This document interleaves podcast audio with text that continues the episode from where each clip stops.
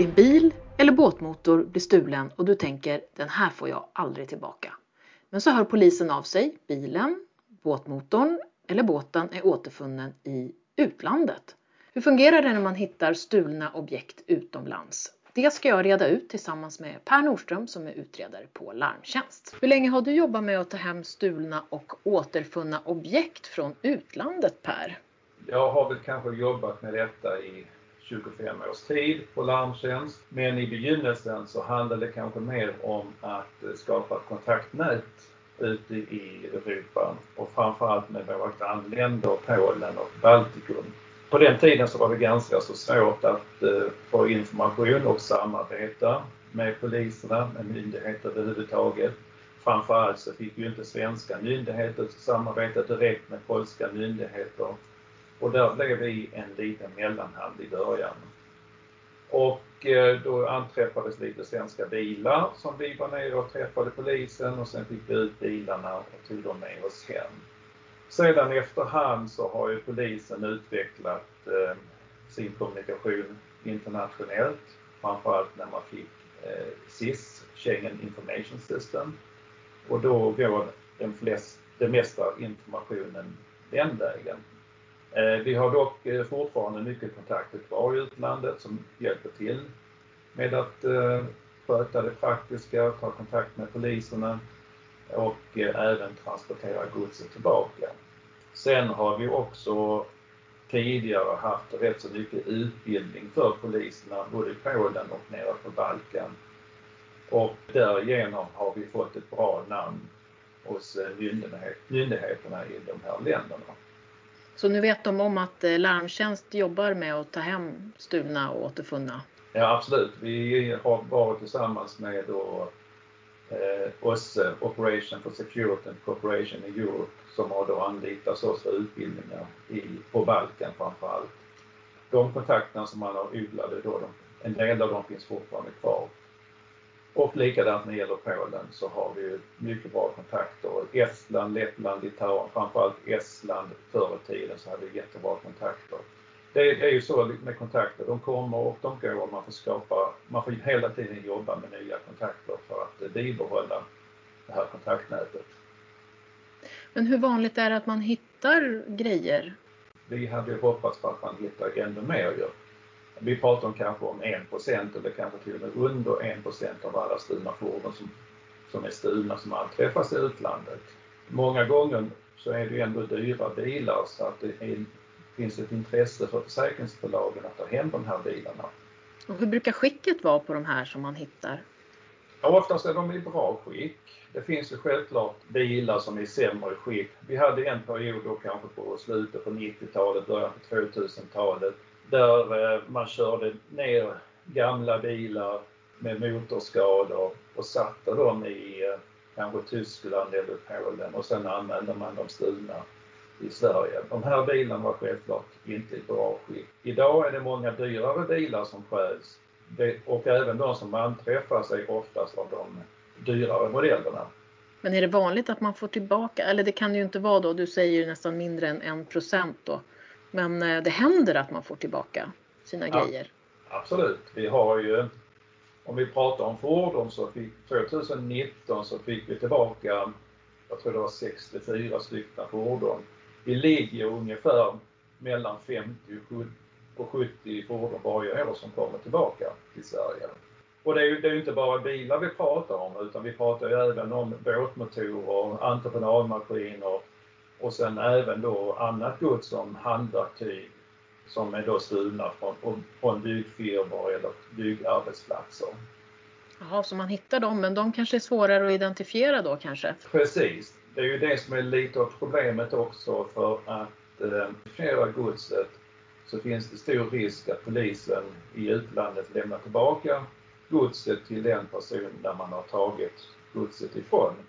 Och just när det gäller handverktyg så har vi väldigt svårt, och även polisen har väldigt svårt att identifiera godset.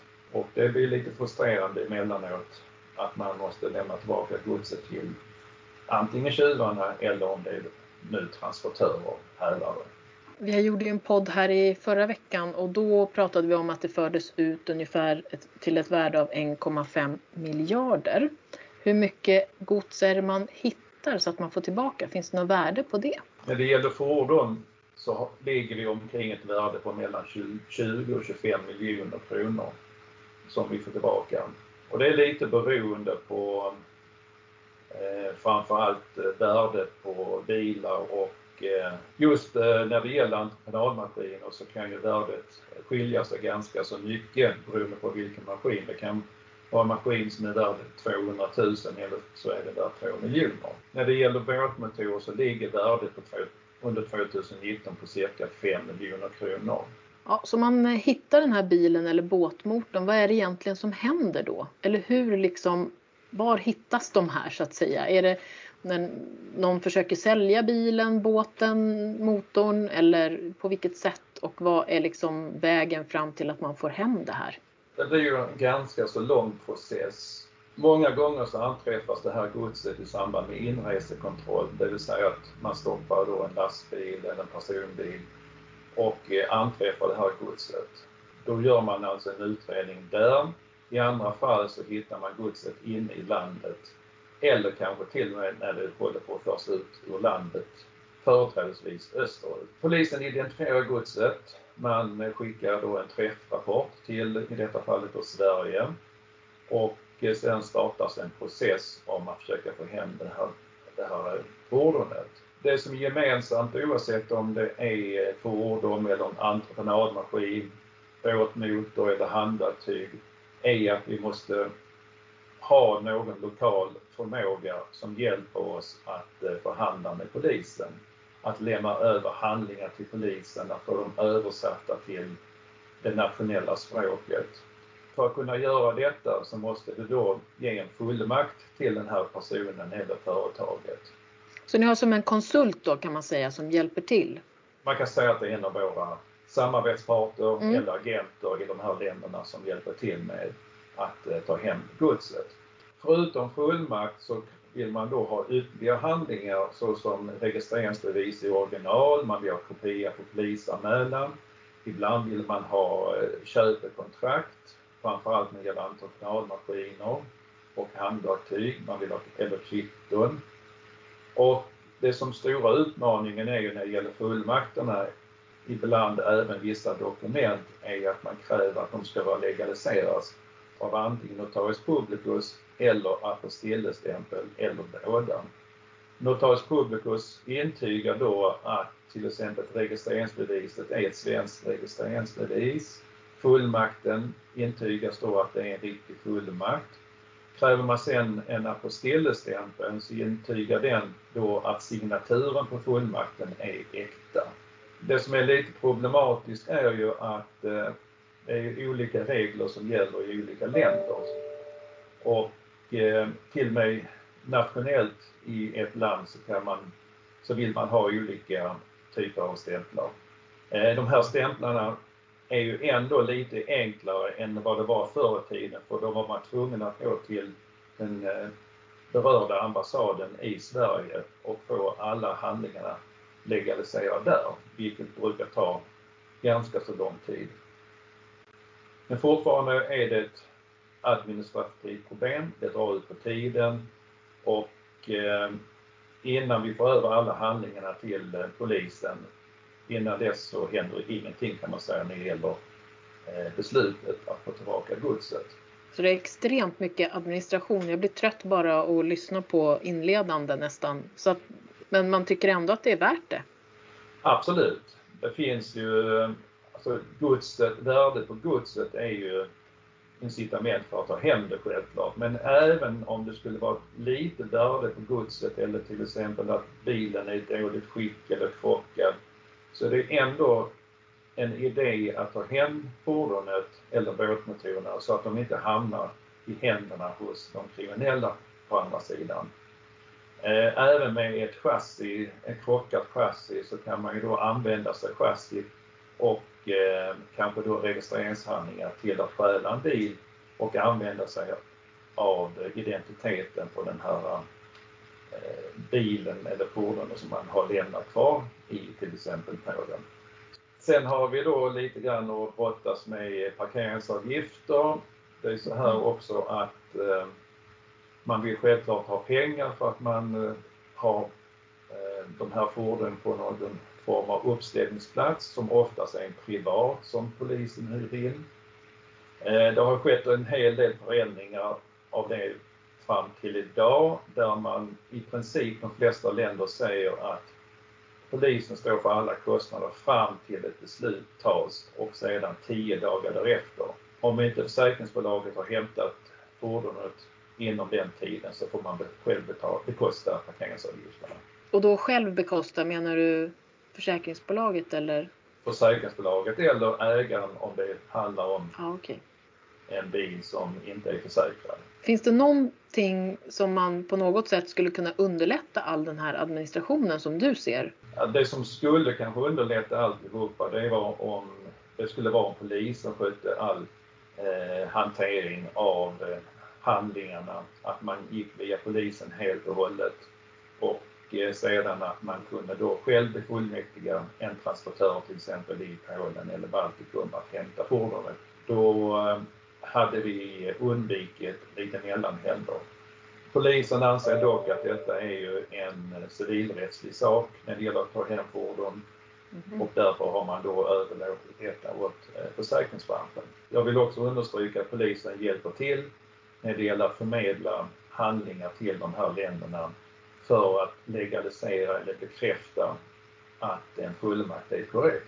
Du har nämnt några länder här, men vilka länder är det egentligen som, som det hittas gods i och som vi samarbetar med för att få hem saker? Man kan säga att huvuddelen av godset som vi hittar är i Polen. Det finns en hel del gods som anträffas både i Lettland, Litauen också och även på Balkan. Men som sagt huvuddelen är då i Polen. Bilar anträffas i molekyler. Det är så, det som vi kallar för reservdelsstölder. Och eh, huvuddelen när det gäller både bilar och eh, reservdelar är ju framförallt i Polen men även i Litauen. Kanske 30-40 av alla fordon som anträffas i utlandet kom, anträffas i Polen. Och när det gäller entreprenadmaskiner så anträffas de i Litauen. Det anträffas även lite bilar nere på Balkan och det är framförallt då Serbien. Nu finns det kanske inte en avsättningsmarknad i de här länderna för allt gods utan vi vet ju också att en del av det här godset eller kanske till och med större del av godset fortsätter österut eller ner till Afrika eller Mellersta Östern. Vid något tillfälle har man då anträffat eh, gods ifrån något fordon ända borta i Kina. Förutom då att vi ser att man stjäler fordon och reservdelar som då inkluderar, inkluderar även husbilar och fyrhjulingar så ser vi som sagt också även båtar, båtmotorer, entreprenadmaskiner. Och vad vi kan se här är ju att det är de här internationella brottsnätverken som för ut de här delarna. Vad vi kan också se är att klonade bilar som dyker upp i eh, olika länder. Ett exempel är Bulgarien där vi har ett flertal ärenden där man har eh, registrerat in ett fordon med hjälp av ett svenskt registreringsbevis, fått bilen registrerad och sen har man försäkrat bilen och efter ett par månader så har man anmält bilen stulen till försäkringsbolaget. Det som är problematiskt här är ju att eh, när man får bilen registrerad i Bulgarien så behöver man inte visa upp bilen fysiskt. Så det handlar egentligen då om en pappersbil helt enkelt. När eh, då försäkringstagaren anmäler bilen stulen och anmäler till försäkringsbolaget så har han då rätt till ersättning precis som i Sverige. Men nu i, detta fall, i dessa fallen är det ju så att bilen inte har funnits i Bulgarien överhuvudtaget utan den finns kvar i Sverige och rullar någonstans ute på vägarna i Sverige. Det innebär också då att den hamnar i polisens efterlysningssystem i så kallade Schengen Information System och på Interpol som efterlyst. Och allt detta utan den svenska ägarens vetskap. Det som är då problematiskt är om den svenska ägaren stoppar polisen i Sverige eller kanske i utlandet riskerar att bli av med bilen eftersom den är efterlyst. internationellt. Och vi har tyvärr några sådana fall där detta har skett. Vilket gör att eh, själva utredningen tar lång tid och eh, det är väldigt komplicerat och eh, kan bli svårt att få tillbaka fordonet för man måste veta vem, vem som är den rättmätiga ägare till fordonet. Vi har även sett att klonade bilar ska skeppas till Afrika. Det är framförallt polisen i Belgien som har stoppat bilar som har då svenska registreringsskyltar, svenska registreringsbevis, men bilarna är falska. Vi kan även se att registreringsbevis och registreringsskyltar dyker upp på bilar i Spanien. Ett annat problem som vi kan se är att leasingbilar försvinner. De blir efterlysta antingen som stulna eller att det är finansbolaget som inser att bilen inte kommer lämnas tillbaka och att brukaren har slutat betala sina månadsinbetalningar.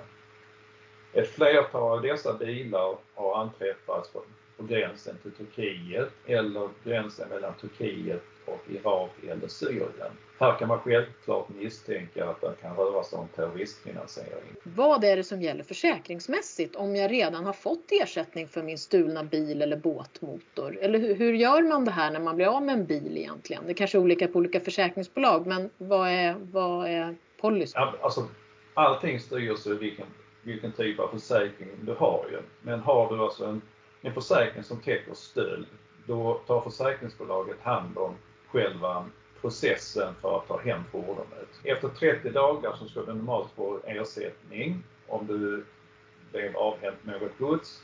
Men är det så att bilen anträffas i utlandet inom de här 30 dagarna, då har försäkringsbolaget rätt att avvakta att man får hem fordonet. Försäkringsbolaget täcker kostnaden för att ta hem bilen och alla kostnader runt omkring det hela.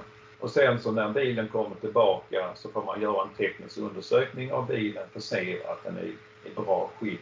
Och eventuellt får man då reparera fordonet om det så skulle behövas. Om det är så att eh, försäkringstagaren redan har fått sin ersättning, då har ju ägandeskapet gått över till försäkringsbolaget och då tar man hem bilen för att sedan avyttra den på den svenska marknaden. Samma sak gäller för båtmotorer till exempel? Samma process oavsett om det är båtmotorer eller om det är fordon. Men finns det något eh, ovanligt fall till exempel? Jag tänker om man stjäl en lastbil full med någonting, vad händer då? Ja, en lastbil är självklart lite mer problematisk om den är fullastad med gods. Och det här godset vill ju självklart då eh, ägarna ha tillbaka så fort som möjligt så att man kan leverera godset. Vi har ett exempel som eh, fick ett olyckligt slut. En lastbil som var lastad med kött, med färskt kött och eh, som man då stoppade i, i utlandet. Försäkringsbolaget krävde att man skulle få tillbaka eh, köttet så fort som möjligt eftersom det var en färskvara och eh, inom ett par dagar så är man tvungen att eh, förstöra köttet. Man fick ett beslut att eh, få tillbaka lastbilen med köttet men då gick hälsovårdsmyndigheterna i landet in och sa att de måste inspektera köttet. Och Eh, man förklarade återigen att köttet kommer att bli förstört och hälsovårdsmyndigheterna sa att då kan de eh, destruera köttet. Man fick inte tillbaka köttet i tid utan detta förslag var dock inte intressant utan man tog tillbaka köttet som man sedan fick förstöra vid hemkomsten. Så de här juridiska processerna de är lite för långsamma för att i alla fall hantera färskvaror kan vi ju konstatera. Det kan man väl säga och i detta fallet kändes det nästan lite mer som att man ville att köttet skulle stanna kvar. Men jag låter det vara osagt. Ser vi någon skillnad nu kring stölder när, med tanke på covid-19? Absolut, vi kan se eh, ganska så tydliga eh, effekter efter covid-19. Framförallt när vi pratar om södra Europa. I länder som typ Frankrike, Italien, Spanien så minskade antalet bilstölder med ungefär upp till 70 procent i storstäderna. Och det var ju tack vare lockdown som man hade under en viss period. I Sverige så minskade inte stölderna speciellt utan endast marginellt. Om det beror på att vi var mer öppna eller inte, det, det kan jag inte svara på. Men oavsett vilket så var det uppenbarligen svårt att föra ut det stulna godset för att gränserna både till Polen och Baltikum var stängda. Och eh, under den här perioden från då april och fram till mitten av sommaren så kan man nästan säga att det var inga bilar som anträffades i utlandet. Ändå så stals det nästan lika mycket fordon som det gjorde tidigare. Och då kan man ju självklart fråga sig vart de här fordonen har tagit vägen. Självklart så kan det vara inhemska kriminella som har sysslat med bilstölderna.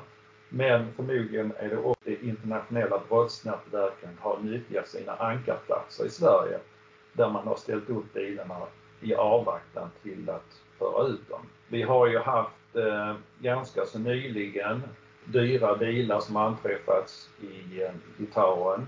Förra veckan fick vi hem eh, tre stycken BMW-bilar i molekyler. De var helt nerplockade. Just nu håller jag också på med ett eh, krossverktyg som väger över 15 ton som vi ska försöka få hem ifrån Polen. Så vi kan säga att det fanns, det fanns en viss nedgång av eh, stölder och framförallt ute i Europa i samband med covid-19. Men vi ser också ganska tydligt nu att stölderna har ökat igen. Men vad tror du, vad tror du nu då när, när man kanske måste stänga ner i en andra våg? Då borde det vara massa lagerhållning här i, som ska ut. Precis, det är, det är väl det som eh, kanske är då eh, tanken. Alltså, vi vet ju om att de här internationella brottsnätverken har ju börjat investera eh, sina vinster i Sverige genom att eh, köpa upp industrilokaler, övernattningslägenheter för att kunna bedriva brottsligheten i Sverige på ett mer effektivt sätt. Det är klart att det kanske var en bra investering detta här nu med tanke på att man stängde gränserna att kunna förvara det här stulna godset. Det handlar ju lite grann om, om det kommer nu en andra våg ute i Europa också med lockdown, så handlar det mycket om hur människorna kommer förhålla sig till detta. Om man då kommer lyssna på myndigheterna och stanna inne eller att man kommer kanske då vara lite obstinata. Jag tror framförallt att kriminella, de, eh, de kommer fortsätta sin brottslighet och försöka hitta nya vägar att föra ut eh, fordon fordonen från Sverige. Nu kan vi också hoppas att det här som förslaget om att tullen ska få ökade befogenheter med att genom att kunna stoppa gods som förs ut ur landet, att det ska också kunna bli ett, en eh, tröskel för de kriminella att föra ut godset. Du har lyssnat på Larmtjänstpodden, en podd från Larmtjänst som är en branschorganisation för sakförsäkringsbolagen med syfte att bekämpa försäkringsrelaterad brottslighet. I det här avsnittet har du hört Per Nordström och mig, Ulrika Loob, och vi jobbar båda på Larmtjänst.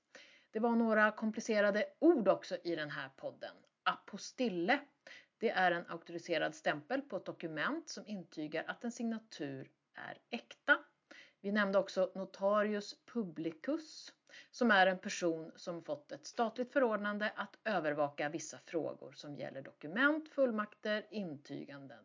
Tack för att du lyssnar på oss. Vi finns i sociala medier under namnet Stöldtipset och Larmtjänst.